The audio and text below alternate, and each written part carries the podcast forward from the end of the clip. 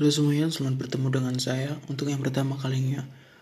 Baiklah, saya akan menyapa kalian bagi siapa pun yang menonton podcast, yang mendengarkan podcast ini, baik di rumah, apa di ke tempat kerja, di sekolah atau di mana pun kalian berada. Saya harap kalian semua dalam kondisi yang sehat walafiat. Semoga kalian semua diberi rezeki oleh Tuhan yang Maha Kuasa. Baiklah, mengenai rasi bintang Aries, mungkin kalian lebih mengenalnya sebagai zodiak ya kan. Zodiak Aries itu uh, ada atau dimiliki oleh orang yang lahir pada bulan sekitar Maret April. Nah, Aries ini adalah salah satu rasi bintang zodiak di belahan langit utara. Aries berada di antara Pisces di sebelah barat dan Taurus di sebelah timur.